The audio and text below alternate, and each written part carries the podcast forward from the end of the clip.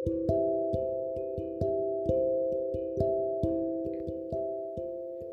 semuanya, selamat datang kembali di episode kedua podcast Ceritanca Nah, mandiri perlu sendiri sesuai judulnya tuh apa sih Cak? Maksud lu tuh apa gitu? Mandiri perlu sendiri Nah, jadi sebenarnya nih di episode kedua kali ini tuh gue pengen cerita aja sih, pengen curhat gitu Lu lihat kan baru episode kedua aja udah nggak penting karena isi udah curhat, udah langsung curhat gitu kan Tapi gue udah memperingatkan bahwa podcast ini akan berisi banyak hal-hal random jadi ya udahlah ya gitu. Nah curhat kali ini tuh gue pengen cerita tentang bagaimana gue akhirnya bisa menemukan kebahagiaan pada sesuatu hal yang dulunya gue pikir gue nggak mungkin nih bisa bahagia kayak gini tuh nggak mungkin. Tapi ternyata gue salah teman-teman gue tuh pasti tahu sih gue tuh sebenarnya tuh anaknya tuh manja banget. Tapi manja di sini jangan lo bayangin tuh manjanya very, very Castle-nya yang apa sih tuh? Very Castle tuh di Willy Wonka itu loh yang lo minta kuda poni sama bokap lo terus diturutin tuh nggak nggak yang manja kayak gitu. Tapi gue tuh lebih ke yang manja gue tuh nggak bisa sendiri. Karena gue bener-bener nggak bisa sendiri. Karena sejak kecil rumah gue itu selalu rame dengan banyak orang. Jadi gue tuh udah terbiasa dengan ya ada orang di sebelah gue, terus ada yang bantuin gue kalau gue ribet. Gue nggak pernah uh, apa ya, gue nggak pernah keribetan sendiri aja gitu loh. Pasti ada yang bantuin gue. Pokoknya gue nggak bisa banget sendiri gitu nggak bisa. Sangat amat manja kan. Dan itu tuh berlangsung cukup lama. Kemanjaan dalam tanda kutip kemanjaan diri gue tuh berlangsung tuh cukup lama. Gue tuh nggak tobat-tobat gue nggak sadar-sadar. Padahal nyokap gue tuh udah sering banget nyindir gue kayak kak kamu tuh udah gede gitu. Kayak kamu sampai kapan kamu mau bergantung sama mama bergantung sama papa bergantung sama banyak orang? Kamu tuh udah gede gitu loh. Sendiri aja. Tapi gue nggak pernah peduli karena gue anaknya bebel aja otak gue dan gue selalu ngerepotin nyokap gue kayak gue minta tolong nyokap gue minta e, ma tolong dong anterin ke sini ma tolong dong beliin ini ma tolong dong. Karena satu gue nggak bisa naik motor dua gue belum bisa naik mobil dengan lancar. Dan gue juga selain ngerepotin nyokap gue gue juga konsisten ngerepotin bokap gue. Termasuk kalau gue mau bikin acara kamp eh, acara kampus acara sekolah bahkan tugas kuliah semester 1 gue aja masih dibantuin sama bokap gue coy asli gue inget banget waktu itu analisa perusahaan. Dan gue tuh nganalisa perusahaan tempat bokap gue kerja. Biar gue nggak mau ribet saking gue nggak mau ribetnya gitu. Nah lalu um, ditambah gue juga pada waktu itu um, mendapatkan pacar yang juga selalu memanjakan gue. Dan selalu nurut apa aja mau gue? gitu. Dan selalu uh, siap sedia kayak 24 jam per 7 gitu. Yang selalu selalu ada aja kalau misalnya gue butuh. Jadi gue nggak pernah ribet aja nggak pernah ribet sendiri gitu. Kayak gue misalnya butuh ini tiba-tiba dan dia selalu bantuin. Ya udah makin menjadi aja gue kayak ratu komplek merpati yang selalu apa pun yang gue butuhkan selalu ada gue nggak perlu nyari-nyari sendiri. Nah itu semua tuh akhirnya kan membuat gue semakin apa ya semakin besar kepala dan membuat gue berada di titik yang sangat amat bergantung pada orang lain bergantung termasuk bergantung pada opini orang lain, bantuan orang lain. Pokoknya tuh gue kalau ngerjain sesuatu sendiri tuh gue gampang gitu, nggak bisa. Dan misalnya kayak sekedar jalan sendiri aja tuh gue nggak berani karena gue setakut itu. Setakut itu deh pokoknya, pokoknya kacau banget sih. Sampai uh, lalu pada sampai akhirnya uh, my dad passed away last year dan itu membuat gue awalnya masih biasa aja lagi-lagi masih biasa aja. Karena gue ngerasa kayak gue masih punya nyokap dan gue masih punya this boy yang masih bisa gue andelin kalau gue butuh apa-apa Walau gue harus terbiasa mengerjakan tugas kampus gue tanpa meminta opini bokap gue, beresin kerjaan bokap gue yang harus gue telusurin sendiri, dan di fase itu tuh lumayan gampang banget sih. Tapi balik lagi, gue masih ngerasa kayak, oh, gue masih punya orang lain sih, gue masih punya nyokap gue, gue masih punya nih orang gitu kan. There is still someone that still got my back, jadi gue masih belum merasa sendiri. Lalu plot twist tahun 2019 tuh tidak sampai di situ aja. bahwa akhirnya gue harus menerima fakta bahwa hubungan gue yang udah lumayan lama gue jal uh, gue jalanin harus berakhir dan memaksa gue untuk tentunya melakukan lebih banyak lagi hal dengan sendirian. Bayangin dong, gue udah um, perubahan itu tuh harus gue hadepin karena nyokap gue juga punya banyak hal yang harus gue dipikirin selain diri gue sendiri karena harus mikirin kerjaan bokap juga, mikirin hidup tentunya, mikirin keberlangsungan hidup gue dan adik-adik gue yang sangat amat merepotin ini. Jadi gue juga sadar diri gue nggak bisa ngerepotin dia terus. Lalu urusan-urusan lain misalnya kayak kepanikan perkampusan, gue butuh ini, harus ke sini, mau ngapain yang biasanya bi bisa gue lakukan berdua ini harus gue kerjain sendiri nih. Akhirnya harus gue kerjakan sendiri. Ya emang sih gue indit punya teman-teman yang baik-baik banget yang selalu selalu ada gitu loh. Kalau kalau kalau kalau udah panik banget gitu.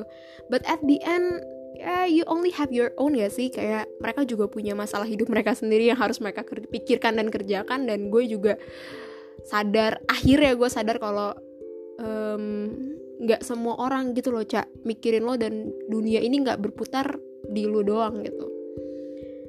Di situ gue udah nggak punya pilihan sih sebenarnya. Jadi kenapa gue harus bisa? Ya karena gue udah nggak punya pilihan. Nah, itu Tuhan tuh kayak memaksa gue kayak woi bangun lo anak manja gitu kayak. Gue bener-bener ditampar aja sih. Dan lately gue sadar kalau gue nggak menghadapi itu dan gue nggak digituin tidak melewati hal-hal itu tuh gue pasti tidak bisa mandiri sama sekali, tidak dewasa, sangat amat childish dan itu tidak baik banget buat hidup gue ke depannya. Sangat amat gak baik pokoknya. Ya, those night were hard for me karena mung ya mungkin menurut beberapa orang tuh lebay aja sih karena kayak ya elah cak gue dari dulu tuh sendiri kali ngelakuin apa pun. Tapi buat gue itu lumayan perubahan drastis yang berat dan dalam waktu yang singkat udah kayak proklamasi gitu loh kayak perubahan dalam waktu yang sesingkat singkatnya gitu. And I have no choice but to accept it. Dan ya udah gue mau nggak mau gue harus jalanin aja. Itu bener-bener kalau lo mau tahu mungkin teman gue kayak Rara, Brian, Henny udah tahu persis sih gimana struggle gue nangis nangisnya gue kayak gue nggak bisa gue nggak bisa gitu gue nggak bisa nih lewatin kayak ginian sendirian tuh gue nggak bisa. Ditambah gue banyak pressure juga dari kampus. Juga gue waktu itu harus meng apa ya harus gue tuh kalau nggak salah di fase itu juga gue harus lomba ya gue harus mengikuti lomba debat juga bareng tim gue. Yang mana pikiran gue nggak boleh kebagi-bagi. Ya pokoknya di situ tuh bener-bener kayak gue tuh ditimpa ditimpa ditimpa ditimpa sampai sadar.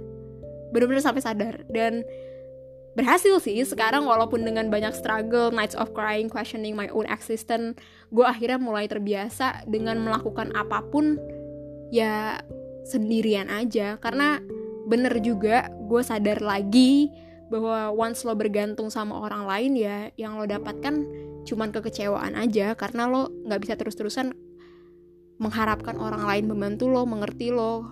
Karena itu selain egois dan nggak mungkin terjadi aja. Dan berakhir lo akan kecewa.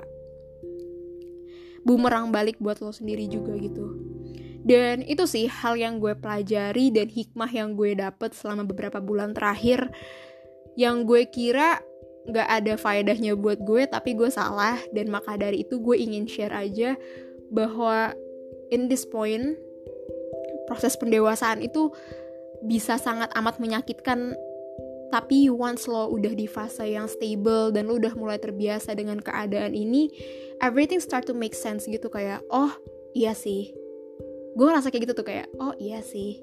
Wah gue nggak bener sih dulu sih. Kenapa ya gue kayak gitu tuh mulai make sense tuh pertanyaan-pertanyaan pertanyaan-pertanyaan yang dulu gue gue pertanyakan gitu loh. Karena udah mulai stable dan udah mulai terbiasa ya everything start to make sense. Dan gue sangat amat bersyukur dan grateful dengan apa pun yang udah terjadi. Walaupun pahitnya itu lebih pahit daripada aktifat kuning. Eh lo tau gak sih yang kalau aktifat kuning tuh kalau dulu pas kecil-kecil sakit kan dikasih aktifat kuning dan itu tuh pahit pahit banget cuy. Nah ini tuh lebih pahit tuh. Kenyataan tuh lebih pahit daripada aktifat kuning. Tapi gue sadar uh, gue sekarang sadar juga gue juga bukan menjadi pribadi yang dewasa mampus gitu yang kayak gue tiba-tiba punya penghasilan sendiri gue bisa naik mobil gue bisa naik motor bisa mengendarai motor dan ke mana-mana sendiri nggak juga. But I know I'm in the right I'm in the apa ya I'm in the right path gitu loh untuk menuju gue yang lebih better yang lebih baik. Insya Allah ya teman-teman. Insya Allah.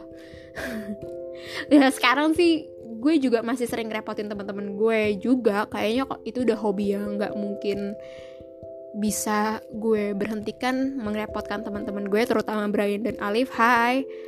But there's a lot of improvement dari diri gue gue merasakan hal itu dan gue bisa bilang kalau gue lumayan bangga sama diri gue sendiri sih kayak narsis banget sih emang gue bilang gue bangga sama diri gue sendiri. Tapi kalau gue pikir-pikir dengan keadaan gue yang dulu super manja super ketergantungan sekarang yang harus semua semua sendiri dan bisa gue lakuin tuh bolehlah gue bangga sedikit sama diri gue. Kayak misalnya gini gue udah bisa banget pulang malam sendiri dari kampus. Gue bisa banget pulang sendiri. Biasanya gue nggak pernah pulang sendiri either dijemput atau pokoknya dijemput sih pasti dijemput karena gue nggak bisa pulang sendiri. Takut banget. Dan gue ini improvement gue tuh yang sangat amat bikin gue shock adalah gue bisa banget jalan ke mall segede taman anggrek mall yang lumayan gede itu literally sendirian. Cuman buat sightseeing buat cuci mata sama makan sahur sally aja udah. Gue bisa mak gue bisa jalan muterin mall sendirian dulu tuh gue takut banget karena gue tuh kecil ya. Makin kayak anaknya hilang gitu loh tapi sekarang gue udah gak peduli dan gue bisa melakukan itu sendiri dan gue bangga banget. Keren juga loh cak. Setelah gue pikir-pikir ya. Dan ternyata melakukan hal itu semuanya sendiri tuh menyenangkan banget. Dan gue tuh baru sadar gue selama ini ke mana aja gue nggak ngerti. Ya ya gitulah namanya proses kan proses orang beda-beda. Jadi ya buat temen-temen semuanya yang ngerasa sekarang kok kayak ya pahit banget sih ini hidup gitu. Kok begini kok begitu ya udah telan aja sih. Bentar itu ada suara sirene pabrik deket rumah gue. Oke dia udah berhenti. Ya udah kalau misalnya emang emang hidup tuh pahit aja gitu. Tapi uh, lo akan bisa menerima ketika yang lo bisa lakukan ya cuman menerima aja nggak ada pilihan lain kayak gue tadi. Ya udah gue terima aja apa pun karena itu yang cuma bisa lo lakuin dan bertahan aja sepait apa pun hidup bertahan aja itu udah cukup karena lo lama-lama akan terbiasa. Lo nggak perlu push yourself too hard harus begini harus begitu nggak ada udah. Lo bertahan aja itu udah cukup banget sih buat diri lo sendiri ketika lo ada di fase-fase ini ya dan sendiri tuh bagi gue dulu menyeramkan banget kayak seperti gue bilang gue gampang aja.